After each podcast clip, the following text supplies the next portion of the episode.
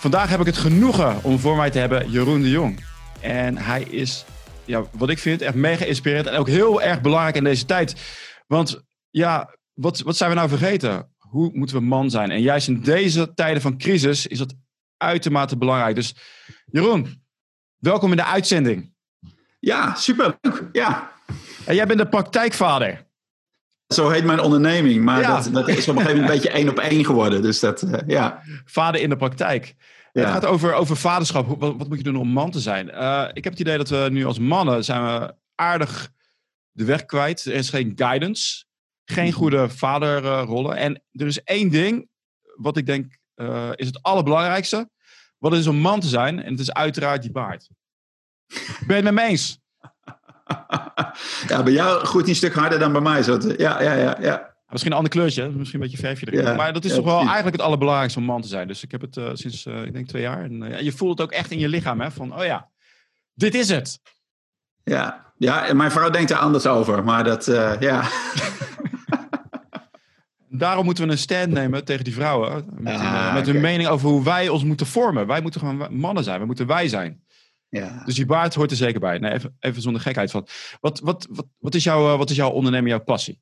Dan gaan we daarna hebben over alles wat te maken heeft met uh, vaderschap en man zijn. Ja, mijn onderneming is, is, is eigenlijk, ja, is dus de, de praktijkvader voor, voor, voor het begin, het grootste deel zeg maar. En uh, dat doe ik nu zo'n jaar of zes. En wat, wat ik daarin doe is eigenlijk wat ik probeer een plek te creëren waarin mannen uh, met elkaar het gesprek aangaan over de dingen die ze belangrijk zijn en waarbij we het vaderschap als vertrekpunt nemen. Dus wat is het om een goede vader te zijn? Kun je dat leren? Uh, hoe ziet dat eruit? Uh, waar loop je tegenaan in het vaderschap? Uh, ja, wat vind je lastig in, in het opvoeden van je kinderen? Maar ook wat vind je mooi? En daar een plek te creëren waarin we echt, echt het gesprek aan kunnen gaan. Wat verder gaat over dan, ja, wat voor autostoeltje moet ik kopen? Um, maar echt van, hé, hey, wat, wat, wat, ja, het is, het is, als je vader wordt en iedere man die, die, die, die vader is, die weet dat je hebt een idee van tevoren en dat loopt altijd anders. En het pakt altijd anders uit dan je van tevoren had bedacht. En het is eigenlijk één groot uh, persoonlijk ontwikkelingstraject waar je instapt. En, uh, en we denken dan vaak dat we, het, dat we het moeten hebben over hoe we onze kinderen opvoeden. Maar waar ik in mijn eigen vaderschap en in, in al die training achter ben gekomen, ja, het gaat veel meer over hey, wie ben ik nou en wat wil ik zijn. En eigenlijk denk ik stiekem dat, dat wij veel meer van onze kinderen leren dan misschien wel dat uh, onze kinderen van ons leren. Dus, uh, dus zo, ja, dat is praktijkvader, ja. Heel mooi, ik geef het ze ook mee. Het is ook, het is ook waar, hè? Van, uh, je krijgt kinderen van, wat is het? Oh ja, dit is je ultieme spiegel van wie jij bent, hoe je bent opgegroeid, hoe jij in het leven staat. En dat wordt ja. constant op je afgevuurd. Dat is wat het is om vader te zijn. Dat, zeggen ja, ze niet, dat hebben ze niet bijgezet. Gezegd begin. Jij bent ook vader. Wat, ja. Uh, je hebt twee kinderen? Een uh, dochter Drie. en een zoon? Drie kinderen zelfs? Drie, ja, twee zonen en een dochter. Ja. Twee zoons en een dochter. Wat zijn, wat zijn de leeftijden? Ja, de oudste die is 18, uh, jongen, en dan ook nog een jongen van 15. En mijn dochter, de jongste, die is 12. Kijk, dus dat, je, hebt aardig, ja. je hebt aardig wat ervaring. Ik heb twee meiden van 7 en 9. Ja. Ook wel een andere uitdaging, hè? Gewoon alleen maar meisjes gekregen. Ja. ja Hartst, hartstikke leuk. Hartstikke leuk. Nee joh. Ik heb het nou wel gehad, die beginfase. Het is nu juist weer een andere fase. En wat is, wat is jouw, uh, wat, wat, is de reden waarom jij hiermee bent begonnen? Want er is va vaak is het scratch your own itch, zoals uh, ook Tim Ferriss zei. Ja. ja. Was nou, het, het geval? Is, dat je nou, zegt, van, grappig. Ja, dat je Tim Ferriss noemt, want uh, het, is, het is eigenlijk, daar is het wel mee begonnen met dat boek van hem, de vier uur werkweek. Um, en, want op een gegeven moment, ik, ik, had een, ik had gewoon een baan. Ik was leidinggevende bij een culturele instelling en ik coachte mensen en dat vond ik leuk. Maar uh, dat was niet wat ik voor altijd wilde blijven doen. En toen kwam dat boek van hem voorbij. En dat ben ik gaan lezen. En dat ging heel erg. De, natuurlijk, hè, iedereen die het boek kent, gaat over. Ja, maar wat, wat, wat wil ik nou? Wat is mijn passie? En hoe kan ik dat, die combinatie van werken en leven. niet meer los van elkaar zien, maar gewoon bij elkaar. Dat het één ding wordt. Dus dat ik niet meer naar mijn werk ga, maar dat ik eigenlijk gewoon mijn geld verdien met wie ik ben. En dat vind ik fantastisch. Want dan doe ik helemaal waar ik goed in ben, waar ik blij van word.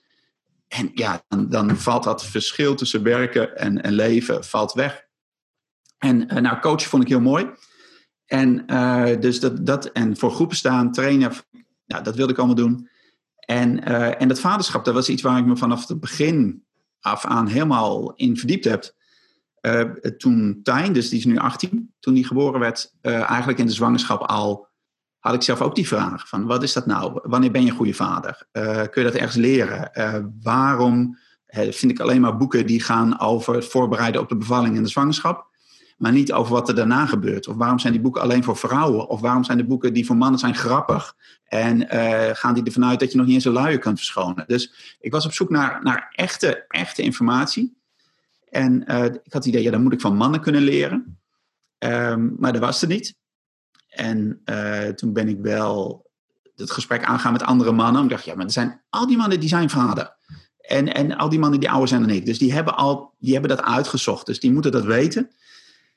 Zou je denken? Ja, zou je denken. En, um, maar ja, ik was een van de eerste in mijn vriendengroep die, die, die vader werd, zeg maar. Um, dus ik ben wel heel erg gaan zoeken. Maar er was, was niet zoveel 18 jaar geleden. En uh, nu misschien nog steeds niet zoveel. Maar toen op een gegeven moment dat ik dus zo'n zo'n acht jaar geleden met het boek van Tim Ferriss in mijn handen zat, dacht ik, ja, ik, dat vaderschap, daar, daar moet iets mee, daar kan ik iets mee gaan doen. En uh, dus toen ben ik dat gaan, gaan combineren. Van hey, ik vind het leuk om met mensen te werken. Ik vind het leuk om met mannen ook te werken, want dat vind ik erg, leuk. En dat vaderschap. En dan gooi ik dat allemaal bij elkaar. En ik had ook zoiets, ja, en dan moet ook, we moeten af en toe vuur kunnen stoken. Dus ik moet een plek daar waar we een vuurtje kunnen maken en om het vuur kunnen staan. En, uh, en ja, zo is de praktijkvader ontstaan. Ik moet, ik moet even uh, alle, alle vrouwen waarschuwen die aan het, aan het kijken zijn. Dit is, dit is absoluut dus niet voor jullie. Hè? Jullie gaan hier niks van snappen al dat vuur, die baarden, man zijn. Dus jullie moeten gewoon ja, weg, wegklikken. Als je hiernaar gaat kijken, dan uh, ja, ga je echt doordringen naar wat het is om man te zijn. Dus alvast een waarschuwing van tevoren. Ja, dus, die gaat niet werken. Hé hey Alex, die gaat niet werken. Want ga, wat ga, ik merk... Ga, ga het nou niet zeggen. dus reverse psychology, is dat dat nou? Ja, maar juist, ik, ik, nu gaan ze juist kijken. Wat? wat, wat? Waar gaan ze over hebben? Ja, maar ik vind het wel mooi, omdat wat ik merk, en um, dat, uh, dat, dat het, het, om, om de vrouwen wel hier, de credits in te geven, die zijn veel eerder vaak over het algemeen bezig met, met wat het is om, om moeder te zijn of dat, uh, of dat een kindje komt. Vrouwen zijn over het algemeen ook veel eerder bezig met persoonlijke ontwikkeling, zijn het veel meer gewend om met andere vrouwen te hebben over de dingen die, uh, die, die belangrijk zijn in het leven. En heel veel mannen krijgen nou eenmaal een soort, soort setje van een vrouw om, om om dit soort dingen te gaan doen.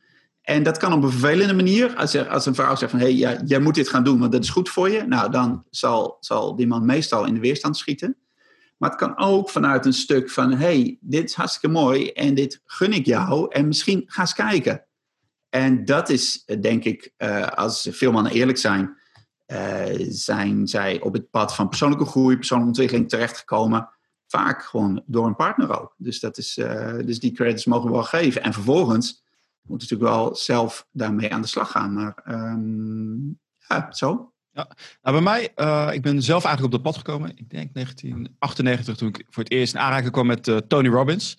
Ja. Over persoonlijke ontwikkelingen. Maar ik ben dus ook opgegroeid zonder vader. Ja. Dus ik heb heel veel dingen, dus alleen met een moeder. Dat ik, dan mis je echt heel veel. En ik zit niet zo van, oh, ik mis veel, maar nu, nu ik ouder ben, dan, dan merk je gewoon hoeveel verschil het maakt als er, een, uh, als er een vader in het gezin is. Dus ik ben inderdaad zelf ben ik al aan de slag gaan met die persoonlijke ontwikkelingen. Dus het zit wel in mijn DNA. Mm-hmm. Maar het is wel zo. Het is, uh, het is echt heel erg belangrijk. En wat je vertelt over mannen, van dat er zo weinig is. Sterker nog, uh, afgelopen 20, 30 jaar, het lijkt erop alsof mannen juist steeds meer en meer in een soort van, oh wat weet hij nou? Hoekje worden gezet. Mm. En het begint dan met al die series. Mm-hmm. Je hebt die sitcoms, die zijn nu minder. Maar er was altijd van, je hebt de, de slimme vrouw en de, de domme man. Die mm-hmm. eigenlijk een groot kind is. Dat beeld wordt zo neergezet. Hoe, uh, hoe zie jij dat? Ja, jij moet het ook gezien hebben. Dus, uh, ja. natuurlijk. Ja, nee. Ja. we zijn op een quest. Hè. We zijn in een strijd om weer dat, dat weet je, dat trots op, op man zijn. Uh, om dat weer te ja, daar zijn we mee opgegroeid. En, um, en voor een deel voor een deel zijn we daarmee opgegroeid. Zijn dat de beelden die we gezien hebben en die je ook in reclames. Ja. Nu kijk ik op dit moment geen tv meer, maar er zijn altijd al reclames waar iemand, een man dan, weet ik wat, staat te koken en die bakt er dan niks van. Of, uh, dus, dus die beelden zijn er van de man als, als, als, uh, als, als sukkel of die niet weet. Dat is ook, dat is ook die, die tendens van die vaderboeken die er zijn. Uh, weet je, waarin dan wordt uh, uitgelegd uh, op een manier van een taal die mannen dan wel zullen begrijpen. Hè, projectmanagement voor mannen of zo, of, of voor vaders. ja, dit is een baby en je stopt de eten in. Aan de andere kant komt het eten uit, moet je luier. Ja, weet je, daar weten we allemaal. Op het moment dat jij een Dat baby... is wel heel erg... eh, dat, die heb ik nog niet gehoord. Dat vind ik wel heel erg. Nee, maar, maar dit, dus dat is ook de tendens. En het moet grappig zijn voor mannen, want anders, hè, dus er moet humor in zitten. Terwijl op het moment dat jij een baby krijgt en die moet een luier om, dan ga je dat gewoon doen. En als je niet weet, dan vraag je het aan iemand. Weet je, mannen kunnen, kunnen een auto uit elkaar halen, kunnen huizen bouwen. Dus natuurlijk kunnen ook een luier omdoen. Dus dat, Nee, maar Dat- ik, vind, ik vind het zo'n debiel beeld van wat ze dan geven als mannen. Van, oh, die hebben dit en dit nodig. En dan snappen ze het wel. Het slaat nergens op. Wat betreft die, eh, die sitcoms, de enige reden is naar mijn idee dat 80% van de aankopen wordt gedaan door vrouwen. Dus dan gaat zo'n sitcom gaat meer vrouwen aanspreken. Voor mij is dat de reden die erachter zit. Misschien nog andere ja, redenen? nou ja, ik denk dat, dat heel veel vrouwen niet blij worden van een, een, een man die wordt geportretteerd als, eh, als, als incapabel, zeg maar. Dus, ehm, dus, en, dus ik denk dat, dat, dat vrouwen het fijn vinden als, als een man weet wat hij wil, waar hij goed in is, waar hij voor staat en dat hij, eh, dat hij de wereld geeft wat hij te geven heeft.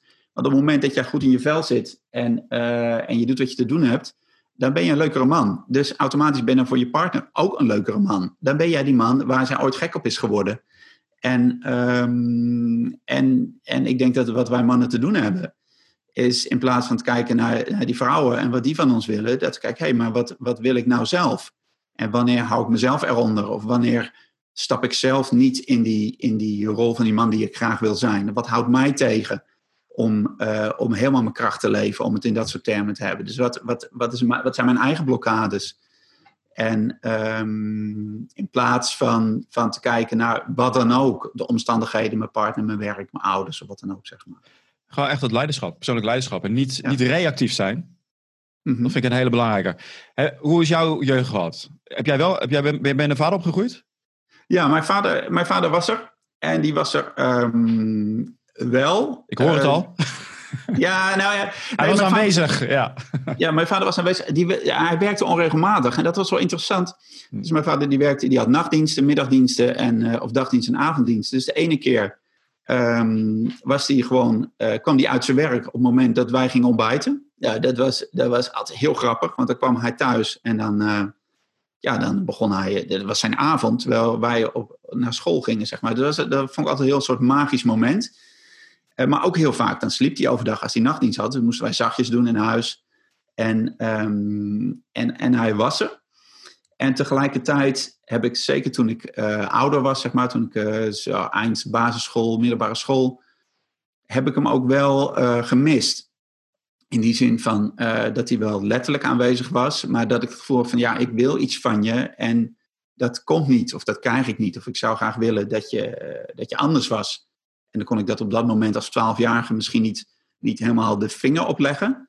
Maar ik ben toen wel, ik had wel het idee van ja, ik heb iets anders nodig. Of ik heb iets meer nodig. Ik ben op zoek naar iets wat, wat mijn eigen vader of mijn eigen ouders me niet kunnen geven. En ja, dat vond ik dan uh, in een docent op school. Of weet je wel, later docent op de universiteit. Of, of, of, ergens anders. Um, maar ik heb dat wel altijd jammer gevonden. Dat, dat ik sommige dingen van, van uh, in mijn ontdekkingstocht wie ik was, wat ik leuk vond, uh, minder goed met mijn vader kon delen. En ik denk ook zeker later, toen, het helemaal, toen ik zelf vader werd, konden we het ook heel moeilijk hebben over, uh, over hoe dat ging met kinderen. Uh, over opvoeden, over hoe je dat doet. Of mijn vader was vrij rechtlijnig in, in rechtlijnig idee van hoe je kinderen opvoedt.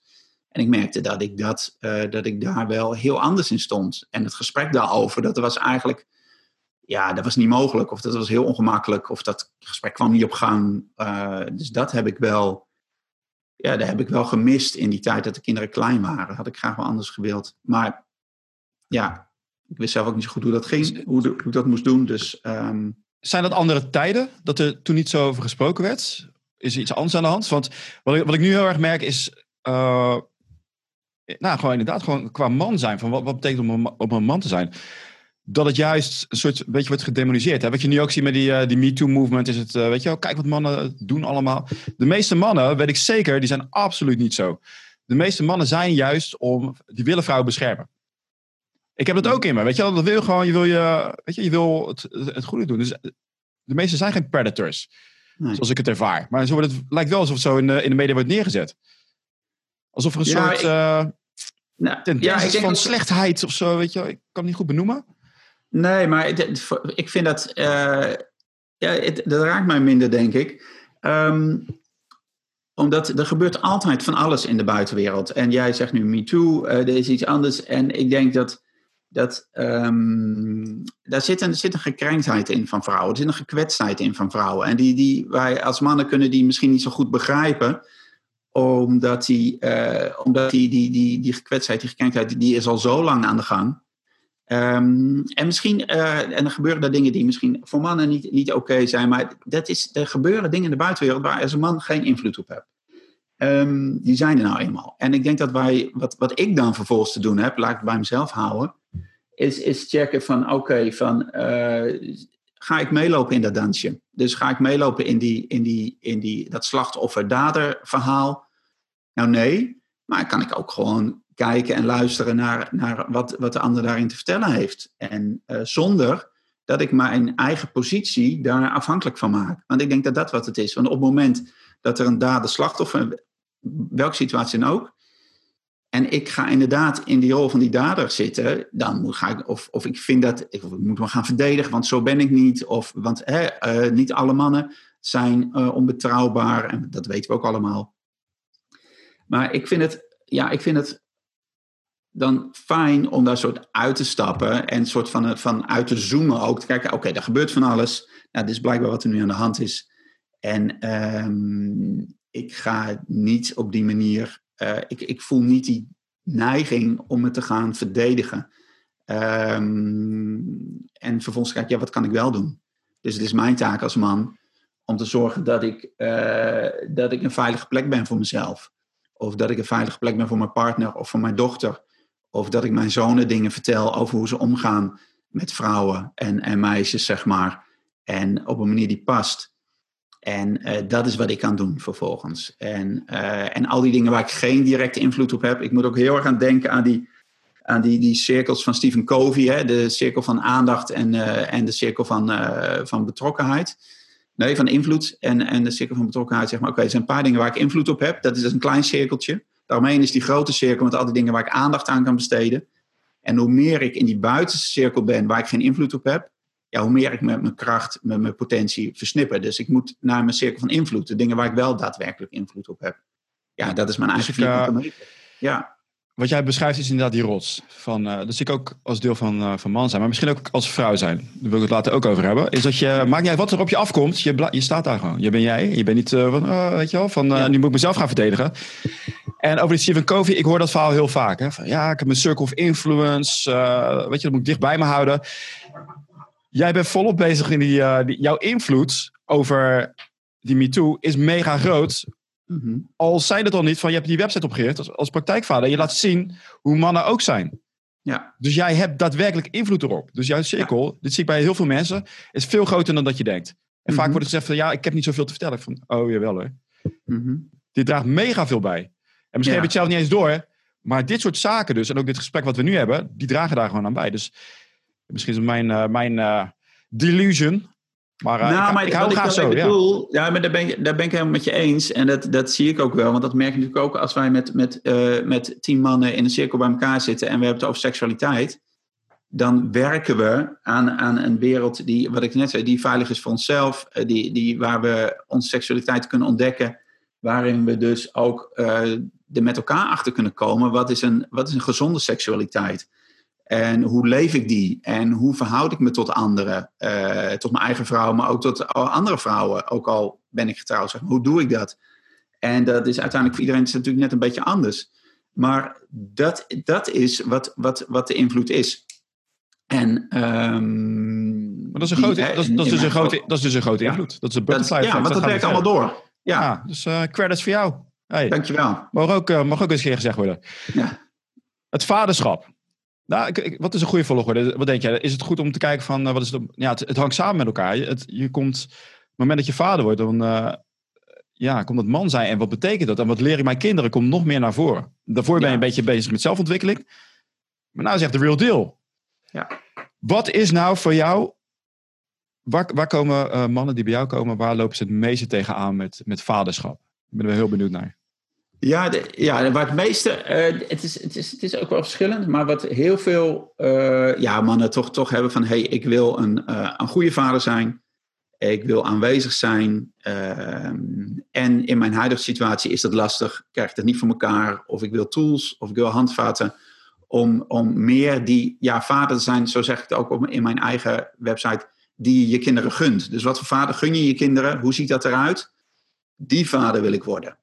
En, um, en, en door mijn werk of door mijn eigen opvoeding loop ik daar tegenaan. Kan ik die niet zijn door mijn eigen korte lontje. Wat er, wat er dan ook is, stress die ik heb, krijg ik dat niet voor elkaar. Dus heb, dat je, is... heb je een paar voorbeelden daarvan, van de kort lontje? Dat is ook herkenbaar. Nou ja, kort lontje, dat is, dat is gewoon heel, heel duidelijk van, van we, zijn, we zijn gestrest. En, uh, en, en uh, over het algemeen zijn we met z'n allen best wel gestrest. En er zijn van die momenten dat je dat uh, afreageert op je kind, of misschien niet eens bedoeld, maar je kind zegt iets en baf, je gaat er overheen. Um, en je bent altijd sterker, verbaal, fysiek, maar sowieso ook verbaal. Zeker als je kinderen klein zijn. Ja, als jij je stem verheft, je bent altijd sterker. En, um, dus die, en dan uiteindelijk doe je dat, sta je te schreeuwen tegen je kind, om wat voor reden dan ook. En heb je dat gedaan en is die situatie en voel je kut daarna. Want je hebt zo'n klein, klein hummeltje, of, of ze nou twee, drie of acht zijn, heb je een grote mond gegeven en dat was totaal niet gepast en dat voel jij ook. Nou, wat doe je dan? Um, dus dat, dat is iets, wat, wat ga je dan doen? Hoe neem je daar verantwoordelijkheid over die situatie? Er zijn veel mannen die denken dan van ja, maar ik kan geen sorry zeggen tegen mijn kind, want dan uh, maak ik me kleiner en dan lopen ze straks over me heen. Terwijl het enige, enige wat het kind nodig heeft is, is, is, om, is gezien worden. En hoe fijn is het als jij iets, iets de plank misstaat, dat je wel sorry zegt tegen je kind. Hé, hey, ik zat ernaast.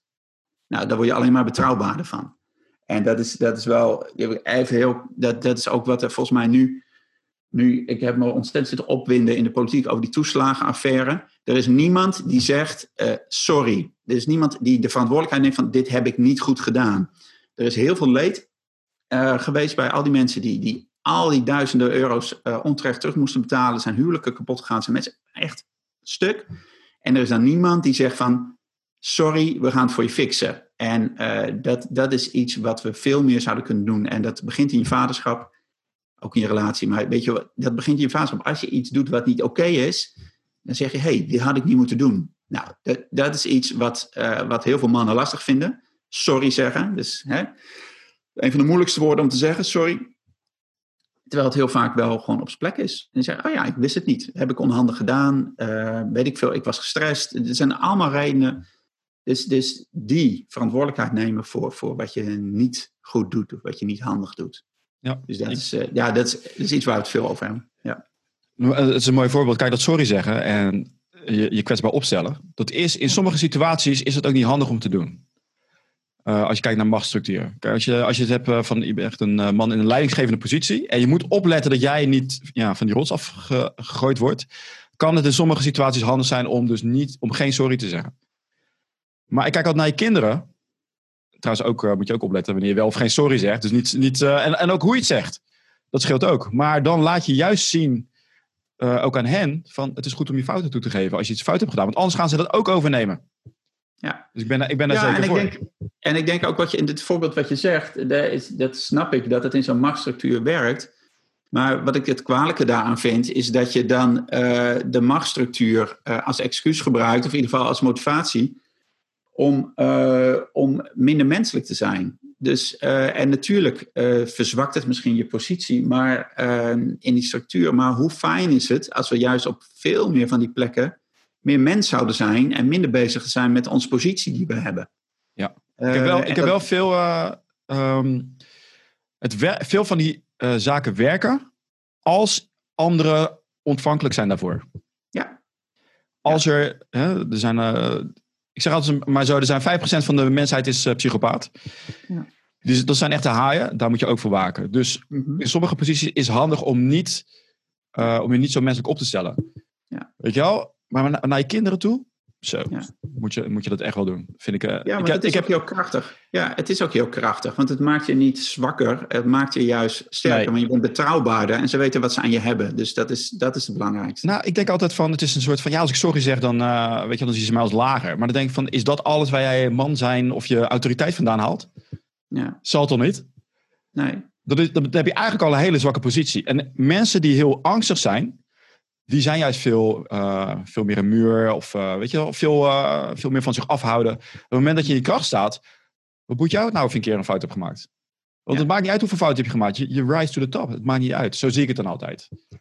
Ja, en je weet dus dat je, dat je mens bent en dat jouw zelfbeeld eh, of, of jouw, dat dat daar niet afhankelijk van is. En Wat? een van de, Ja. een van de dingen die, eh, die in de mannengroepen, wat, als, je- als je dan zit en je, hebt het, je bent in een veilige setting en die mannen voelen zich veilig om dingen over te zeggen, is juist de dingen toegeven die je niet handig doet, die mis zijn gegaan. Hoe fijn is het als iemand erover begint? Want dan, want we maken allemaal fouten. En we doen allemaal dingen onhandig. En, eh, want we zijn allemaal mensen. En als één iemand iets zegt, dan komt de volgende ook. Oh ja, dat heb ik ook. Of eh, ik heb dit. Of bij mij is het nog veel erger. Of eh, oh, bij mij gaat het juist zo. Of oh ja, dat had ik ook, maar nu niet meer. Of nu ga ik er anders mee om. En dan zie je in zo'n groep, als je, dat, als je daarin zit, dan zakt er iets in de energie. Een soort opluchting van. Oh, ha, pff, hé, ik ben niet de enige. Want dat denken we als mannen natuurlijk ook altijd. We zijn, dat we de enige zijn die met iets zitten. Of de enige die iets niet weet. Dat is onzin. We doen allemaal maar wat. Nou, dat is, dat is zeker zo. Hoe ouder je wordt, je ook wel hebben gehad. Van vroeger dacht je van, oh weet je, die mensen die ouder zijn, die snappen hoe het werkt. Ja. En hoe ouder je wordt, denk je van, oh iedereen eh, doet maar wat. Ja, Niemand Ja, heeft het door. eh, ja. ja precies. En dan is het, is het wel, eh, denk ik, wat, wat wel mooi is om dan te zoeken naar een plek eh, waar je dit kunt onderzoeken op een veilige manier. Of dat je gaat zoeken naar, eh, naar die, die mannen die het wel weten. Hè, dus eh, in, het gaat altijd natuurlijk ook over, over een reisgezelschap vinden, maar ook een mentor vinden, zeg maar. En ik denk dat dat heel belangrijk is. Dat je, dat je op zoek gaat naar iemand die niet per se, die jou iets kan leren. Dat je toegeeft, hey, ik wil iets leren. Oké, waar kan ik dat leren? Wat is de goede plek om dat te leren? En dan ga je op zoek. En langere tijd, kortere tijd, maakt niet uit. Maar dat... ehm, Ja. En op een plek waar die ego's niet eh, tegen elkaar aanknallen. Waarbij je dus kan zeggen, hey, dit heb ik niet goed gedaan. En Dat je niet van, ah, weet je wel, zoiets. ja. En een het veilige plek van, dat- ik heb issues ja. met mijn vrouw, ik heb eh, met mijn opvoeding met mijn, eh, met mijn kind. Eh, Hoe zit dat? Dat je dat gewoon over kan hebben. Want het is echt bizar dat het niet, ja, dat het niet heel normaal is om dat te Mhm. doen. Ja. Ja, het is dus uiteindelijk, als ik, als ik iedere keer als ik in zo'n mannencirkel stap, en ik doe dat ook al sinds, eh, nou ja, sinds dat Tijn, eh, onze oudste, eh, geboren is, dat ik zelf in die mannengroep zit. Ik sta er iedere keer van te kijken hoe de, de kracht, ehm, wat er gebeurt als mensen eerlijk zijn. Dat is zo ongelooflijk krachtig als je even niet je masker op hoeft te zetten, als je niet je ego op hoeft te poetsen, of als je toch iets doet, dat je daarop aangesproken wordt, want dat gebeurt natuurlijk ook. Als er wel iemand eh, grapjes maakt om er vanaf te zijn of iets niet hoef- te hoeven voelen, of dat hij daarop aangesproken wordt. Dat kan ook. Dat kunnen mannen ook heel goed, elkaar aanspreken op dingen. Eh, maar dan niet om, om beter te zijn, maar om vanuit een stuk van: hé, hey, ik wil je horen. Ik wil echt horen wat je te zeggen. En ik wil niet je, je afweermechanismes horen. Nee, maar ik wil jou echt horen. Want dat doet mij ook goed. Nou, het- alles wat, wat belangrijk is, is de intentie. Niet zo van, eh, oh, je zit een geintje maken, je wil zeker niet over je emoties praten. Of, hey, luister, ik zie nu dat je, een, eh, dat je een geintje over maakt. Maar wat zit er nou echt achter? Ja. En dan ben je stil en dan zeggen ze, "Ah." en dan komt het los. Ja, toch? Ja, precies. Ja. Ja, nee, absoluut. Maar de, ja, de intentie is positief. Het is niet om je terecht te wijzen, maar echt Nee. ik wil echt weten wat er speelt. En Ja. ik snap dat je een grap erover maakt, en dat is ook niet erg. Maar we zitten nu op deze positie. We willen even, we willen even naar een diepere laag. Ja. Mannen en emoties. mhm. Wat je net zei, hè? van eh boek over eh, projectmanagement of zo. Van, eh, oh, mannen, mannen snappen dat niet. Mm. Er is een soort fabeltje dat vrouwen veel meer emoties eh, hebben dan mannen. Ik vind het zo'n onzin. grappig. Het is zo'n onzin. Mannen hebben mega veel emoties. Maar er wordt een soort van, ja, wij, wij, vrouwen hebben emoties. En we snappen dat niet. Totaal niet waar. Nee. Mannen zitten vol passie, vol met, wow, weet je wel. In over, er is geen, voor mij geen verschil in. Misschien de uiting is anders. Maar mannen voelen ook heel veel. Ja. Merk je, daar ook, merk je daar ook iets van? van hoe gaat het in zo'n mannengroep? Van, het is oké, ja, we hebben allemaal emoties. Niks mis mee.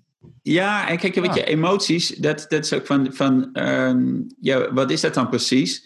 Maar, ehm, ik, ja, kijk, dat mannen emoties hebben, ik, moet, ik vind het gewoon heel grappig. Dat, dat idee van dat vrouwen meer emoties zouden hebben dan, dan mannen. Um, uiten, uiten het anders. Ik denk dat vrouwen zijn over het algemeen meer van het, van het uiten en van het dingen uitzoeken in de verbinding. Dus met elkaar, met het praten. En in die verbinding worden dingen helder, worden duidelijk. En mannen zijn over het algemeen, nee, ik een beetje, maar zijn er over het algemeen meer van, ja, um, nou, het is een lastige situatie. Ik zoek er even mijn eentje uit en als ik eruit ben, dan kom ik terug. Um, en dat is ook dat is oké, weet je, zo, zo, zo, zo zijn we over het algemeen, dat is prima. Maar soms werkt dat niet, want dan loop je ergens in vast. En, um, en wat ik merk als het gaat, uh, dat, dat mannen over het algemeen hun emoties wat meer dempen of eerder achter een muurtje uh, verschuilen. Zeker als het gaat om nare emoties. Dus, dus verdriet, uh, pijn, angst, woede, die, die stoppen we vaak weg. En dat kan uh, door uit contact te gaan zijn. Het kan ook door uh, nog een keer Netflix aan te uh, zetten. Het kan zijn door nog een biertje te pakken. Het kan zijn om door weer porno te gaan kijken op het internet. Dus we, we, hebben allemaal onze eigen manieren om die emoties, die vervelende dingen, die we niet willen voelen, te dempen. Dat kan thuis. Maar als je in zo'n mannengroep zit, op zo'n plek waar je dus ook ervoor komt om, om, om eigenlijk het uit te zoeken wat er nou echt met je speelt ja, dan word je aangesproken op die, op die dempingen, zeg maar. Van, van hé, hey, maar wat is er dan? Waar, waar, waar, waar kom je nu mee? Um, en dat gaat er niet om dat we daar met z'n twaalf gaan zitten huilen heel de tijd. Maar het gaat erom dat we elkaar vanuit kracht aanspreken. En dan kan het dus zijn dat er verdriet komt, of dat er woede komt, of, uh, of dat er iets uitkomt. En dat is soms oncontroleerd, dat is vaak spannend, want uh, als ik mijn boosheid eruit laat, wat gebeurt er dan? Oh, dan word ik wel heel boos. Oh, dat is niet alleen boos omdat, uh, van, omdat het niet lukte met mijn kind. Maar het zit nog heel veel boosheid van, weet ik veel, dat het niet lukt op mijn werk. En die neem ik mee naar mijn kind. Oh, shit. En waar komt die vandaan? Ja, die boosheid die komt misschien nog wel van veel verder. Of die draag ik al heel lang met me mee. En uh, dus om die, die, die toe te staan. En ze te zien ook gewoon, hè, van, van emoties. Emoties zijn fantastisch. Want emoties vertellen jou iets. Die vertellen dat er iets niet klopt. Dus dat je, um, als het over negatieve emoties gaat. Kijk, als je vreugde voelt, blijdschap, liefde. Dat is emotie die zegt van, hey, lekker bezig, ga vooral zo door. Dat is bevestigd waar je mee bezig bent. Maar als jij um, boosheid voelt, ja, dan is er iets, gaat eigenlijk boosheid gaat over dat je heel lang iets hebt laten gebeuren dat je heel lang over je eigen grens bent gegaan of iemand anders over je grens hebt laten gaan. Net zo lang totdat die boosheid uit moet, want dan moet het allemaal weer terug. Dan moet je weer, je explodeert vaak, boosheid, want alle energie moet weer terug. En dan pak je hem weer terug en dan voel je jezelf weer. Dus zo'n emotie als boosheid is, is, is een indicator. Dat is, dat is een richtingaanwijzer. Als je onbewuste, die veel, slim, je onbewuste die veel slimmer is dan, jij, uh, dan je bewuste. Ja, sowieso. zeker ja. zo. Maar van die afleiding uh, in het begin, heel veel mensen hebben niet eens door dat ze zichzelf afleiden. Dus het is niet bewust van, oh, ik heb een nare emotie, dus ik ga Netflix kijken of wat anders. Maar het gewoon niet eens doorhebben van als automatisme dat gaan doen. Ja. En dan later, ja, in zo'n groep, dan pas ga je het zien. Hoe kan het nou dat dit niet al is besproken ooit met mannen? Kijk, ik ben dus zonder vader opgegroeid, dus sowieso bij mij ja. niet. Dus ik had alleen een moeder ja. en die doet het op de vrouwelijke manier. Ja. Waarbij ik dus absoluut geen zin in had. Van dit is niet hoe je eh, communiceert. Het is totaal anders. Maar waarom uh, zijn er de vaders, hebben die dat overgeslagen? Als het zo is. Ik weet niet of het zo is, maar ik hoor bij jou ook, hè, want het is lastig om over te hebben. Het is nou, hele simpele, we gaan, we gaan praten hierover. Ja, wat, wat nou, het, het wordt gelukkig steeds gewoner. Dat, dat vind ik heel fijn. Het wordt gewoner om, uh, om deze gesprekken te voeren. Uh, persoonlijke ontwikkeling, persoonlijk leiderschap, persoonlijke groei is de afgelopen twintig jaar is gewoner geworden. Uh, het hebben van een coach of het bezoek van een therapeut is gewoner geworden. Relatietherapie is gewoner geworden. Dus is, we zijn echt, we zijn met z'n allen heel erg op de goede weg. Dus dat is, uh, dus en, en ja, dat is voor iedereen die zit te luisteren, voel maar bij jezelf, waar, waar kan ik nog meer? Of waar hou ik iets tegen? Wat vind ik spannend om aan te kijken? En, um, en zeker met, naar andere mannen toe. Wat, wat ik een hele mooi, mooi idee vind, of wat, wat ik heel helder vind, mannen zien elkaar over het algemeen eerder als concurrenten dan als kameraden. Uh, er is vaak iets van, het begint al jongs af aan, meten, weet je veel. Uh, van, ik kan verder piezen, om het zo maar even te zeggen. Maar ook in sport, wie is er beter in sport? Wie is er beter op school? Wie is er beter met de meisjes? dus het is heel vaak een soort, soort meten, ranking. En dat is, dat is misschien gewoon natuurlijk gedrag. Dat doen we met z'n allen. Um, maar op een gegeven moment zouden we in ons volwassen leven, zouden we daar dat los mogen laten. En zeker op het moment dat we een vrouw en kinderen hebben, want dan hebben we ons voorgeplant en is dat geregeld. Dus dan, uh, ja. dan hoeven, hoeven we niet we meer nog race, vrouwen te veroveren. We hebben de race gewonnen. Dus dan, is dan hebben we heel dat, dat voortplantingsgedoe, dat biologische stuk, dat hebben we geregeld. Weet je, dat is met je 30ste, 35ste zijn. Nou oké, en dan, wat gaan we dan doen? Gaan we dan nog steeds in die concurrentiepositie zitten? Gaan we nog steeds het haantje uithangen? Of gaan we kijken hoe we eigenlijk dat, dat concurrentiestuk um, om kunnen zetten naar meer kameraadschap. En uh, dat bedoel ik niet dat we met z'n allen vriendjes hoeven te zijn, maar wel naar dat we kijken uh, tussen de generaties door van wat er nodig is. Dus uh, ik ben, ik ben in de 40. er zijn mannen die zijn jonger dan ik en er zijn mannen die zijn ouder dan ik. Um, ik heb met mijn kennis en ervaring, wat kan ik doen om het voor die mannen die jonger zijn dan ik of die minder ervaren zijn in het vaderschap, om het makkelijker te maken. Um, dat, dat als eerste, zonder dat ik bang hoef te zijn dat als ik mijn kennis overdraag, dat die mannen zo slim worden dat ze mij niet meer nodig hebben. Uh, want dat zie je natuurlijk ook in werksituaties. Um, de manager die, die, zijn, die zijn, zijn junior uh, medewerkers, zeg maar, wel iets wil leren, maar tegelijkertijd bang is dat ze aan de zijn stoelpoten gaan zagen. Ja, dat, dat is niet handig, want die, jonge gasten die worden ouder en op een gegeven moment worden die die leidinggevende. Dus dat is een soort natuurlijk verloop. Maar als jij, en tegelijkertijd, hè, er zijn mannen die, die, die ouder zijn dan ik, die wijzer zijn dan ik. En daar kan ik iets van leren. En, uh, en uiteindelijk hoop ik dat ik dan over een, over een tijdje of over twintig jaar ook die oude wijze man ben. Of over dertig jaar dat ik ergens zit en dat er weer mannen naar mij toe komen die een andere plek ook weer om iets te leren. Dus dat, dat we elkaar snappen, dat we, dat we iedere leeftijd heeft zo zijn eigen kwaliteit, heeft zijn eigen kennis en, en we helpen elkaar daar doorheen. Zoals je in, gewoon in veel oude culturen uh, en dat is ook veel minder nu dan ooit, zeg maar. Heb je inwijdingsrituelen waar de oude mannen die leren de jonge mannen iets. Nou, en als ze dat ritueel gedaan hebben, dan horen ze bij de volwassen mannen. Krijgen ze een andere plek, andere positie. Dat is duidelijk. En wij doen dat niet. En dat gaan we ook nooit doen volgens mij. Maar we kunnen wel in onze eigen situatie als mannen kijken van... Wat kan ik doen? Hoe kan ik de hand reiken naar iemand anders? Hoe kan ik leren van iemand anders? Zonder dat ik bang hoef te zijn voor mijn eigen ego of mijn eigen positie wat je nu zegt over dat, dat concurrentiegedeelte. Ik zeg, hou het erin. Want het is ook deel van man zijn.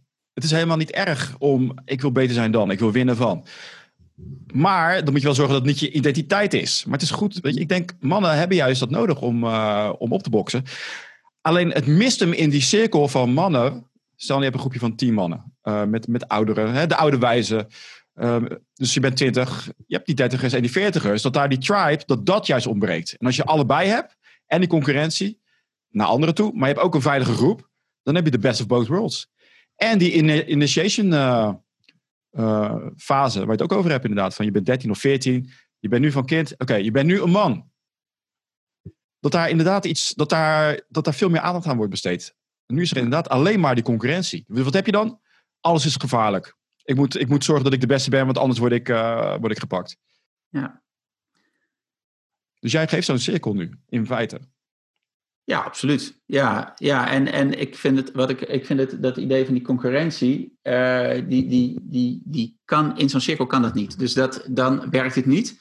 En op het moment dat jij in de buitenwereld bent en iets voor elkaar moet krijgen, snap ik dat het, dat, dat, uh, dat, dat zinvol is als je die drive hebt, zeg maar, om, om de beste te zijn. En om helemaal je potentie te leven. En die ken ik natuurlijk zelf ook. Uh, en tegelijkertijd is dat, is dat heel erg van um, wat ik ook leiderschap vind, of wat ik koningschap vind, van wat ik doe in de wereld, draagt het bij of gaat het ten koste ergens van? En, uh, en maak ik, hè, dus wie, wie benadeel ik hierin mee? En als het gaat over um, wat, wat ik nou een mooi verhaal vind ik daarover, uh, over, van dat merkte ik bij mezelf. Ik, ik, doe er nu een jaar of vijf, zes. En op een gegeven moment uh, merkte ik dat er uh, nog meer mannen kwamen die ook iets voor vaders gingen doen. Nou, in eerste instantie wat er gebeurt, van, word ik geraakt. In het stuk van, hey, hey, ik ben hiermee bezig. Er komt een concurrent aan. Oh jee, straks, weet ik veel, heb ik geen klanten meer. Dan denk ik, ja, fuck it, wat een onzin. Het is alleen maar belangrijk dat er meer mannen komen die dit soort dingen doen. Want dan wordt het gewoner. En dan creëren we met z'n allen creëren een omgeving waar dit gewoon wordt. Voor iedereen is er genoeg. Er is, er is helemaal geen tekort hierin. En we versterken elkaar. En ehm, als ik een bakker was geweest, had ik helemaal niet vreemd gevonden dat er aan de andere kant van het dorp nog een bakker zat. Want dat is normaal, want iedereen heeft brood nodig. Dus in dit stuk ook. Zeg het maar tegen Starbucks. Ja, ja, ja. Weg de concurrentie. Ja, nou, dus, maar bij, dus, dat, ja. dat is hè. Dus binnen die cirkel heb je die concurrentie dus niet. Dus je gaat de wereld in. Oké, ik, wil, ja, ik wil weer het beste uit mezelf halen. En dan, in jouw geval, dan, uh, nou, ik heb het ook. Hè, van, oh, er gaat nog iemand anders gaat zoiets doen. Dan kom je in die cirkel en dan zeg je van, ja, ik heb concurrentie. En zo'n cirkel kan zeggen, ja, luister. Dat is een, eh, een schaarste mindset. Je hebt het idee dat jij eh, daardoor dus... eh, dat het minder goed met jou zou gaan. Maar dit is juist een kans om juist eh, level up. ja. Er is abundance. Weet je, en dat is Ja. een soort toetselement wat daar dan in zit. En dan ga je weer de wereld in. Wel die concurrentie aangaan, want je gaat niet eh, verslappen opeens. Maar je gaat Nee, weer, meer kracht ontdekken. Ja, Ja, maar dat voelt niet meer als concurrentie, want dan ben ik niet met de anderen bezig, maar dan ben ik gewoon met mijn eigen ding bezig. En dan kan ik prima, kan ik iemand die hetzelfde doet, kan ik interviewen voor mijn eigen podcast en dan hebben we gewoon een waanzinnig gesprek. juist. Wat, Ja. wat, wat bijdraagt aan, ehm, ja, aan dat hele verhaal over dat betrokken vaderschap. Dus eh, ja, De concurrentie is eigenlijk met jezelf, in feite. ja, ja Toch? met, je Ja. Eigen, met je eigen angsten, met je eigen tekortkomingen, met alles, weet je. Ja. En, en niet je identiteit ervan af laten hangen. Van oké, als ik dat niet heb, dan ben ik niet goed genoeg of zo. Al die onzin, dat is het helemaal niet. Je wil zelf beter worden. Dus zo, zo'n mannengroep is heel goed om, eh, ja, om te reflecteren van... ben ik nog wel op de goede weg? Doe ik de dingen wel voor de juiste redenen? Ja. Zo zie ik het dan. En dat, we hebben het over die emoties. Kan je wat... eh er zijn allemaal mannen te kijken van... ja, inderdaad, ik, ik heb al die emoties, ik wil het kwijt. Kan je wat uitleggen over hoe dat gaat in zo'n cirkel? Los van, eh, je gaf het net al aan... dat niet iedereen zit te huilen bij elkaar van... oh, wat erg. Kan ook. Ja, Niks ja, mis mee. Verschilt, verschilt, eh, trainingen verschillen heel erg. Verschillen heel erg hoe we dat doen. Eh, ik werk ook met ademhaling. Ik werk ook met lichaamsgerichte oefeningen. Dus dat we niet alleen maar aan het praten zijn. En als er gepraat wordt, dan probeer ik echt aan de hand van een oefening of van een vraag gelijk tot de kern te komen.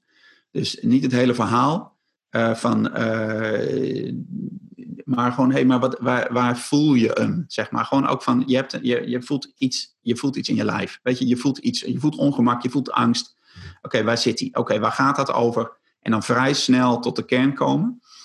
En ehm, soms is het genoeg om dat te benoemen. Om, om te benoemen wat. ehm, en soms is het goed om, om eh, daarop door te vragen. Eh, want pas hadden we een heel mooi gesprek over. eh, ja, gesprek eh, in de cirkel. ging over seksualiteit. ging over ja, van iemand die zei van ja, maar ik, ik wil me verbinden met mijn vrouw. Ik wil die seksualiteit meer leven. Maar door wat dan ook, door kinderen, door werk, weet je, de moeheid, weet je, ik krijg het niet voor elkaar. Ehm, en dat raakt mij, want, want mijn seksualiteit is ook een deel van wie ik ben. En dat wil ik ook kunnen leven. En ik leef dat nu niet en ik merk dat ik iets mis. En dus dat, door dat alleen al te benoemen, zeggen, zonder dat het gefixt hoeft te worden, want dat is een belangrijke. Ehm, wij mannen lossen ook vaak dingen op, voor onszelf en voor, ons voor een ander ook. Want als het opgelost is, dan is het weg. Dan is het klaar en dan hebben we iets gedaan. En terwijl sommige dingen kun je niet oplossen. En ik denk dat dat de uitdaging is voor, voor veel mannen. Om, ehm, om te beseffen of te voelen dat, dat eh, sommige dingen alleen nog gewoon er mogen zijn. Dat het, het feit dat zo'n man, eh, die man, eh, niet weet hoe die, eh, wat de volgende stap is in die seksualiteit, in die verbinding met zijn vrouw. Dat alleen al is al genoeg om te voelen, dat ongemak te voelen. En kun je bij dat ongemak blijven, zonder gelijk dat iedereen zegt, ja, maar je moet even dit of je moet even dat, of je moet gewoon even zo. Nee, oké, dit is kut. Ja, en als die man dat zegt en iedereen houdt even zijn mond, dan kan iedereen voelen, want dat raakt al die andere mannen ook. Want we hebben allemaal dingen daarin uit te zoeken. Of dingen die wel goed gaan, of dingen die niet goed gaan. Oh, en dat is, dat is wat er gebeurt. En dan maak je een soort, ja, dan creëer je een, een, een, een plek, een veld of een ruimte uh, waarin dit soort dingen mogen uitgezocht worden. En vaak door het alleen al te laten zijn en even niet weg te maken, dan weet die man vaak zelf wel wat de volgende stap is. Die kan dat wel voelen. Oké, want die kent zijn eigen situatie het beste, die kent zijn eigen afweermechanismes het beste. En wat mijn rol is dan, daar prikken, doorvragen. soms een oefening mee doen om daar eerder te komen. Uiteindelijk, die beweging die ontstaat vanuit hemzelf. Ja, ja ik, heb dat ook, ik heb dat ook moeten leren. Hè? Van die, uh, die emoties, die negatieve emoties. En je onderdrukt ze, dan gaan ze ja, zich ergens opslaan in je lichaam. Ja? Dus dan, dan heb je die oefeningen van uh, waar, waar het in je lichaam. En ik hoorde wel een mooie vergelijking met dieren hebben dat ook. Hè? Die, gaan dan, uh, die hebben ook een stresssituatie. Het gaat ook in hun lichaam. Alleen die uiten zich daar meer in. Dus ook ja. met, een, met, een, kat bijvoorbeeld even stress. Ah, weet je, of, je, ja. je zit ook bij, uh, bij leeuwen of tijgers. Die zitten even in de stress. Maar daarna zijn ze weer ontspannen. Ja. Alleen wij slaan het op. Pap, en we weten niet eens dat het, dat het zo is. Dus we negeren dat allemaal. Dus dan blijft dat, die blokkade blijft zitten. En waar je het over had, over die, uh, over die oplossing zolang die spanning daar zit, dan lijkt het alsof je, je, je kom je in een soort tunnelvisie. Van er zit een soort ja. spanning. Dus door dat te uiten, mag het er zijn. Eigenlijk zeg je dan tegen je lichaam van, oké, okay, ik hoor het wel, ik vat het. En dan zeg je lichaam, oké. Okay. Ja. En dan komen weer allerlei mogelijkheden. Dus stiekem is het ook een oplossing. Ja, ja, ja, ja. ja absoluut. Het is, het is alleen al het erkennen van dat, dat dingen er zijn. En we kennen dat van onze kinderen. Als onze kinderen pijn hebben of verdrietig zijn, dat is een last voor het kind, maar het is ook heel lastig voor onszelf. Het is bijna niet te verdragen dat je kind pijn heeft. Dus wat moet er gebeuren? Die pijn moet weg. Uh, uh, nou ja, op schoot. Uh, niet huilen. Of kom maar hier, huil maar uit. Of, of en als dat niet lukt, van oh ja, neem even wat te eten, neem even te drinken, even een snoepje, weet ik wel. Dus, dus het is vaak ook je eigen ongemak. Ja, dat. Ja. dat. Kun je dat hebben? En in dit geval, als het over je kinderen gaat, helemaal van, kun je het verdragen dat je je kind niet van alles kunt behoeden. En kun je het verdragen dat je kind pijn gaat hebben, dat hij op zijn bek gaat vallen als hij klein is, maar ook als hij groot is, als er dingen misgaan. Je kunt niet alles, je kunt hem niet de hele tijd zo vasthouden. En hoe graag we dat ook zouden willen, hè, hoe graag ook zouden we dat kinderen pijnvrij of teleurstellingvrij zouden op, opgroeien, dat gaat gewoon niet lukken. Dus, dus dat, dus, en dat beseffen en weten dat we dat niet allemaal onder controle hebben, dat, dat is een grote les in het vaderschap.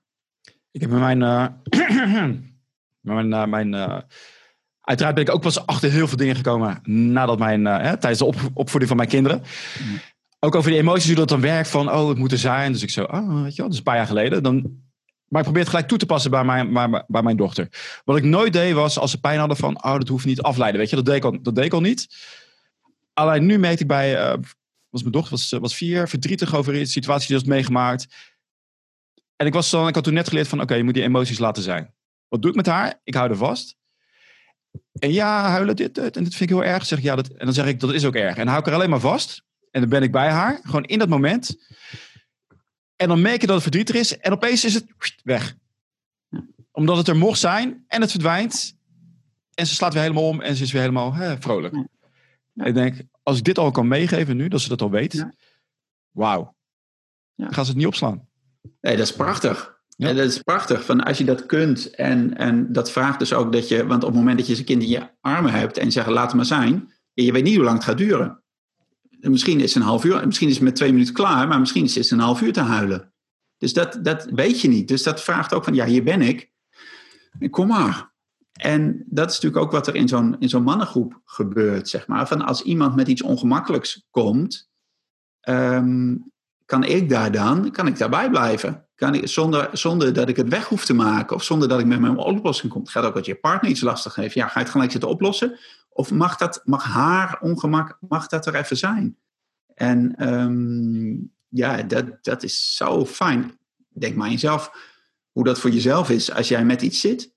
En je kunt het over hebben en er wordt gewoon naar geluisterd zonder dat iemand inbreekt of zegt dat je het anders moet doen. Of hé, hey, ik heb dat ook ooit gehad flikker op man, gewoon alleen even zijn. Ik had, wat, wat mij hielp, ik had er wel last uh, van in, uh, in mijn relatie. De moeder van mijn kinderen zijn helaas uit elkaar. Ja. Maar ik was ook uiteraard mega oplossingsgericht. Dus dan kwam ze met wat en dan was het, ja. zeg ik, ja, maar, uh, voor mij was duidelijk, het doe toch dit, dit en dit. Los het gewoon op. Werkt uiteraard niet, dat weten alle mannen. en toen kwam ik echt, waarom werkt dat nou niet? Ja.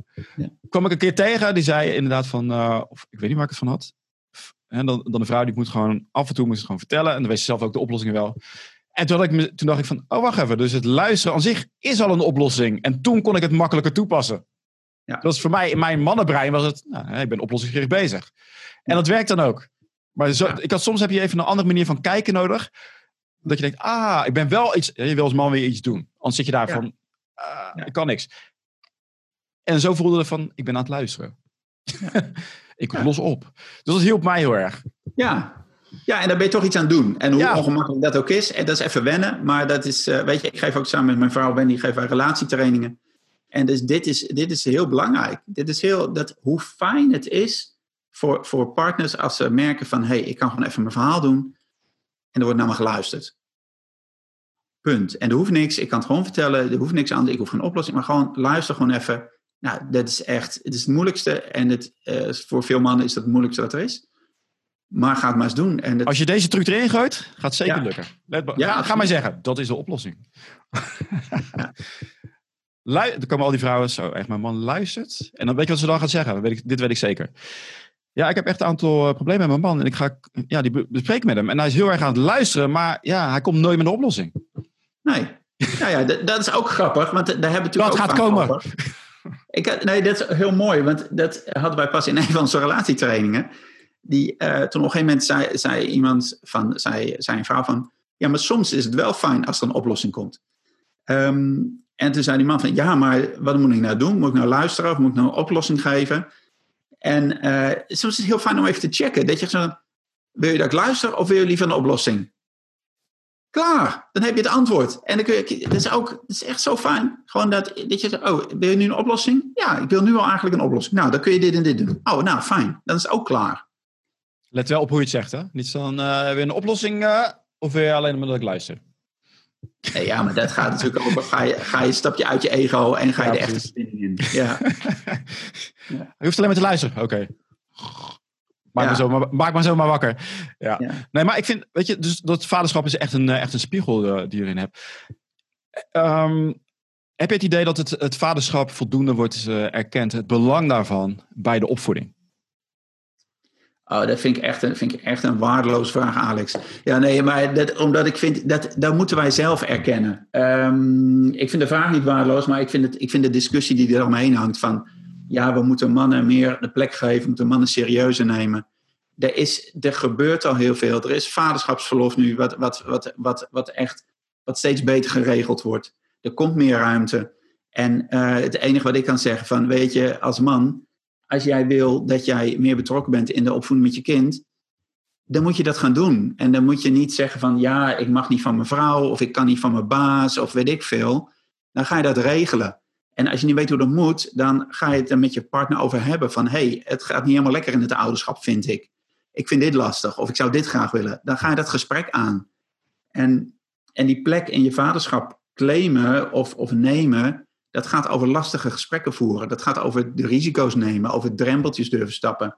Als jij een baas hebt die, die het niet trekt, of als jij op een werkplek zit die niet trekt dat je vaderschapsverlof opneemt, ja, dan, dan moet je daartoe verhouden. En, dan, en als jij het heel graag wel wil, dan ga je kijken hoe het wel kan. Dan, dan pak je je rechten erbij, dan ga je dat gesprek aan. Eh, en als het echt niet werkt en het past echt niet, ja, dan, dan kun je misschien naar een andere plek gaan zoeken. En dat is in deze tijd misschien allemaal niet zo makkelijk, maar je kunt het niet meer. Vaderschap is, is, is, is dat je uit het slachtofferschap stapt. Dus dat je niet meer zegt van ja, maar het ligt aan de verloskundige. Uh, als ik met mijn vrouw meega naar de verloskundige en die heeft alleen maar aandacht voor mijn partner.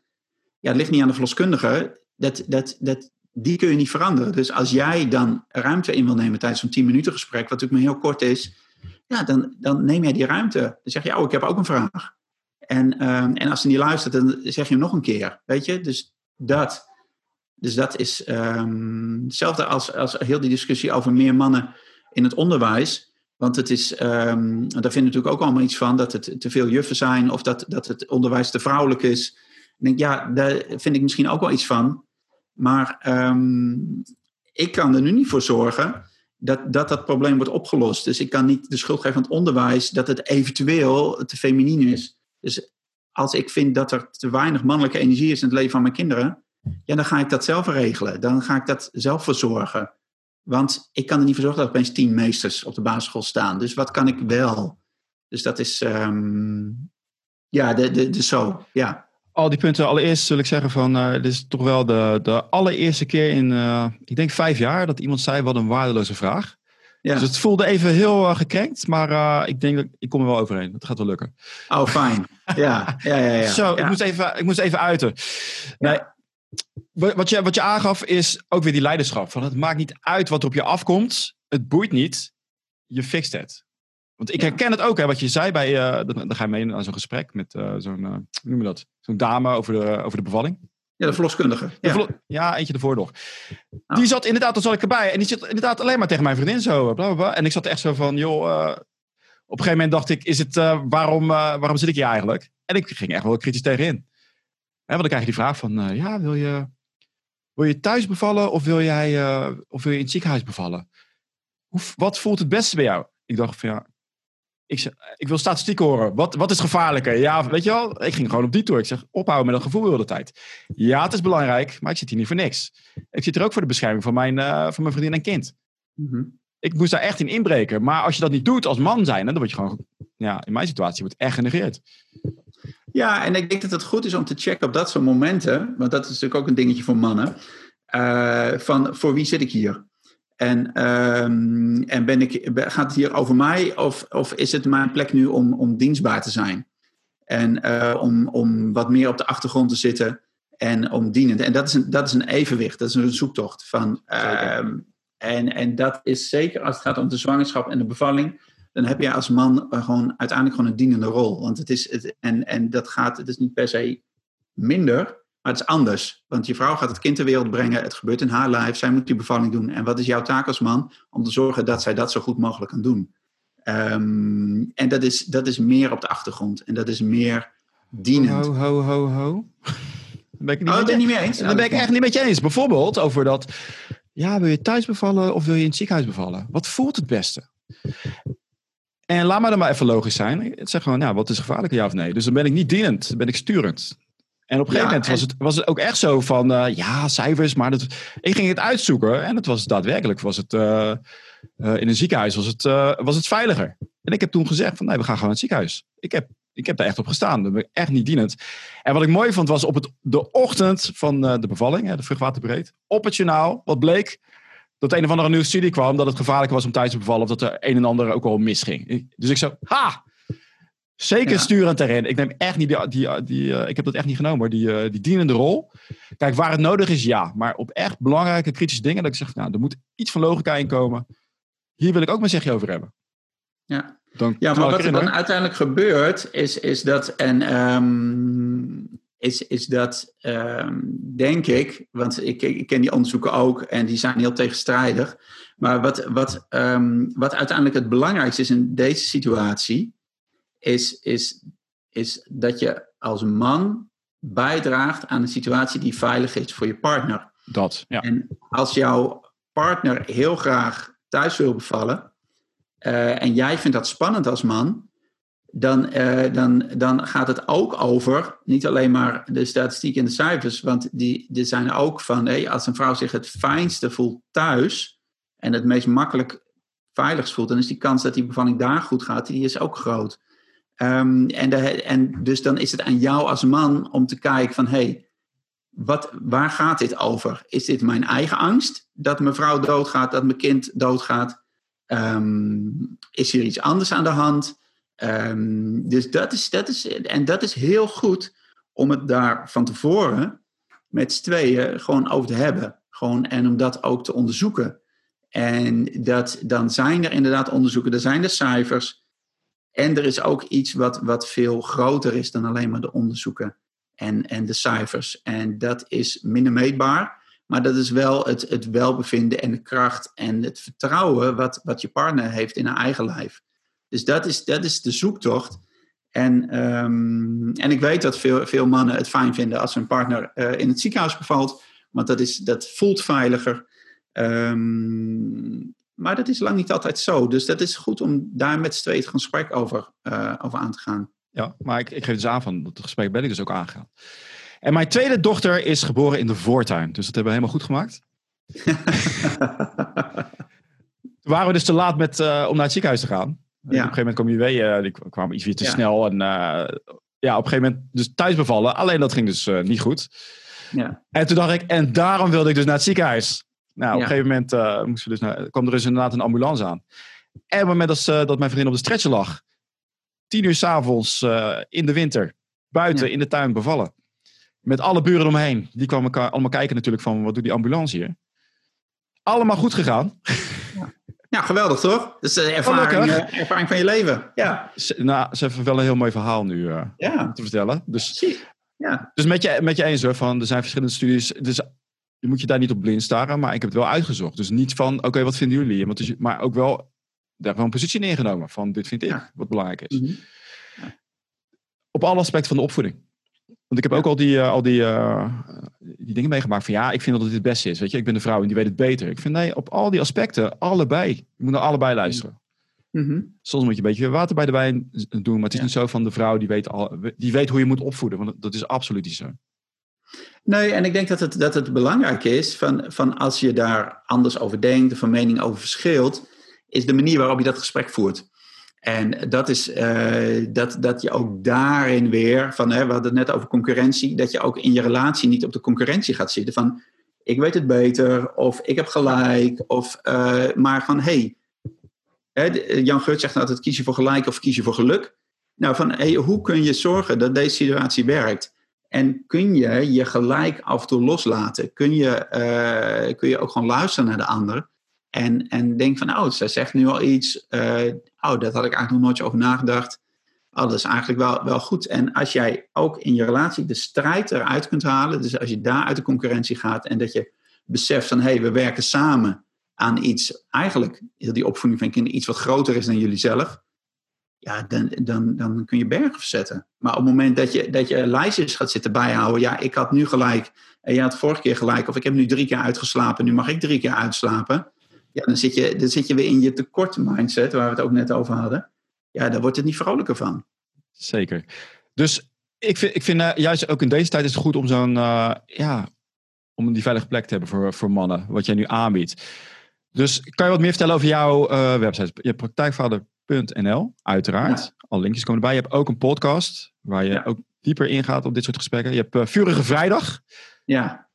Ja, er, is genoeg. Dat is wel grappig, want die plek waar ik het net over had, die we met praktijkvader zijn op verschillende manieren. Eh, Op de website vind je artikelen en blogs over betrokken vaderschap.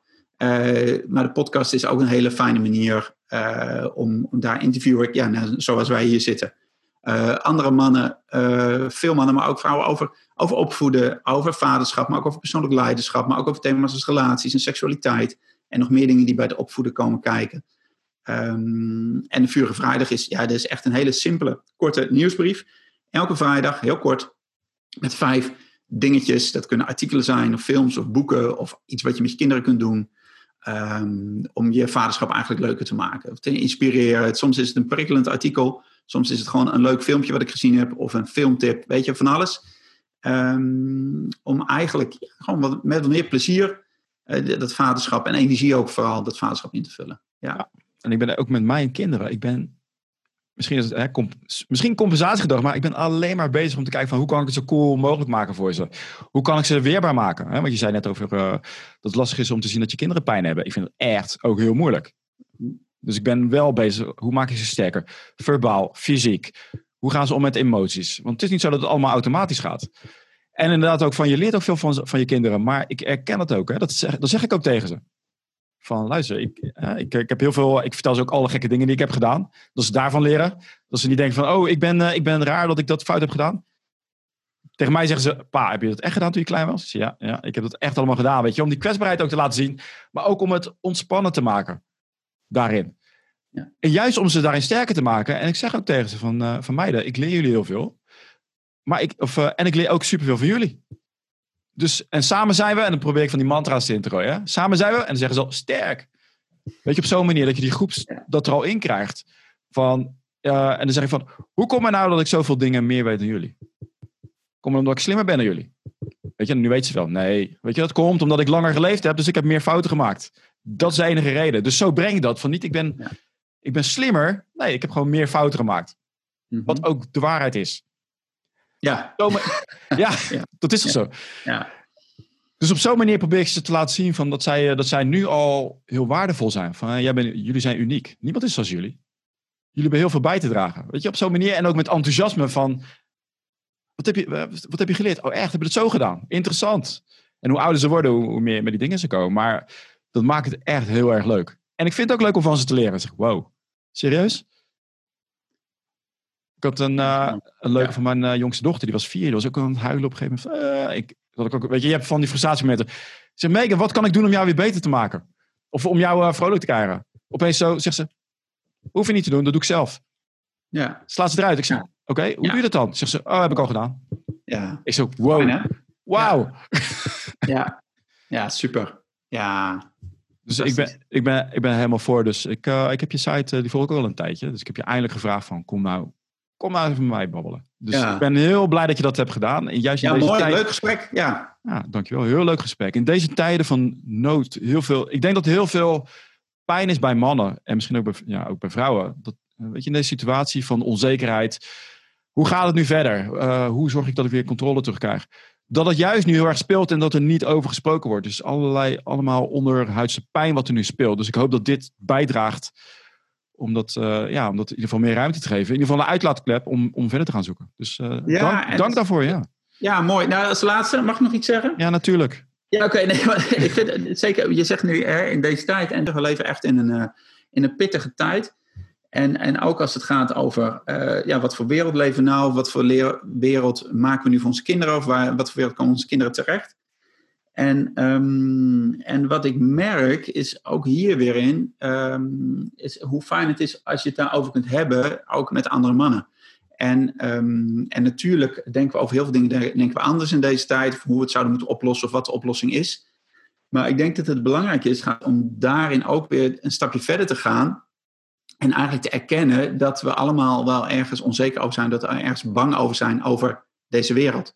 En de ene is bang dat, dat, dat, ze, dat zijn vader of moeder doodgaat. De andere is bang dat hij zelf ziek wordt. Iemand anders is bang om iemand te besmetten. Maar iemand anders is bang dat, hij, dat, dat zijn onderneming naar de kloten gaat. Of weet ik veel. Of, dat, eh, of andere dingen die eraan komen. En daar vinden we elkaar op, denk ik. Dus niet over wie heeft er gelijk of wat is de beste manier. Maar van, hé, hey, we zijn allemaal ergens onzeker over en bang, bang voor. Laten we dat nou erkennen.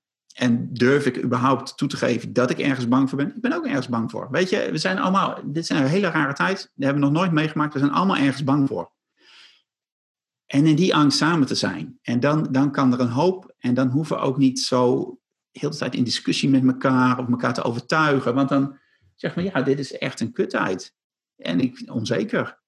En er zijn mooie kanten aan deze tijd, maar er zijn ook heel veel onzekerheden. Dus daar elkaar in vinden. Ja. En, ehm, en dat misschien ook wel dat zo laten zien aan je kinderen. Van, hey, weet je, ik ben hier ook in aan het zoeken. Ik weet niet hoe de wereld er over een half jaar uitziet, of over een jaar, of over vijf jaar. Maar ik hoop dat we er met z'n allen uitkomen. En dan helpt het dat we elkaar blijven opzoeken. Dus dat is. eh, Ik wil daar Ja. toch even op inhaken, want die vind ik wel heel bijzonder. Van, eh, Ja. Met kinderen, dat je dan zegt, dat je ook herkent van, ik weet ook niet hoe het gaat. Want in mijn visie is het voor kinderen die zelf dus veel minder die span of control hebben, of onzeker zijn, heb ik juist het idee dat ik wel die rots in de branding moet zijn. Van, nee, dit komt helemaal goed. Ik heb alles onder controle. Op dat gebied, hè? Ja. Zodat ze zich daar geen zorgen over te hoeven te maken, want zij kunnen daar ook niks mee op dit moment. nee, en ik Ja, denk hoe zie jij dat?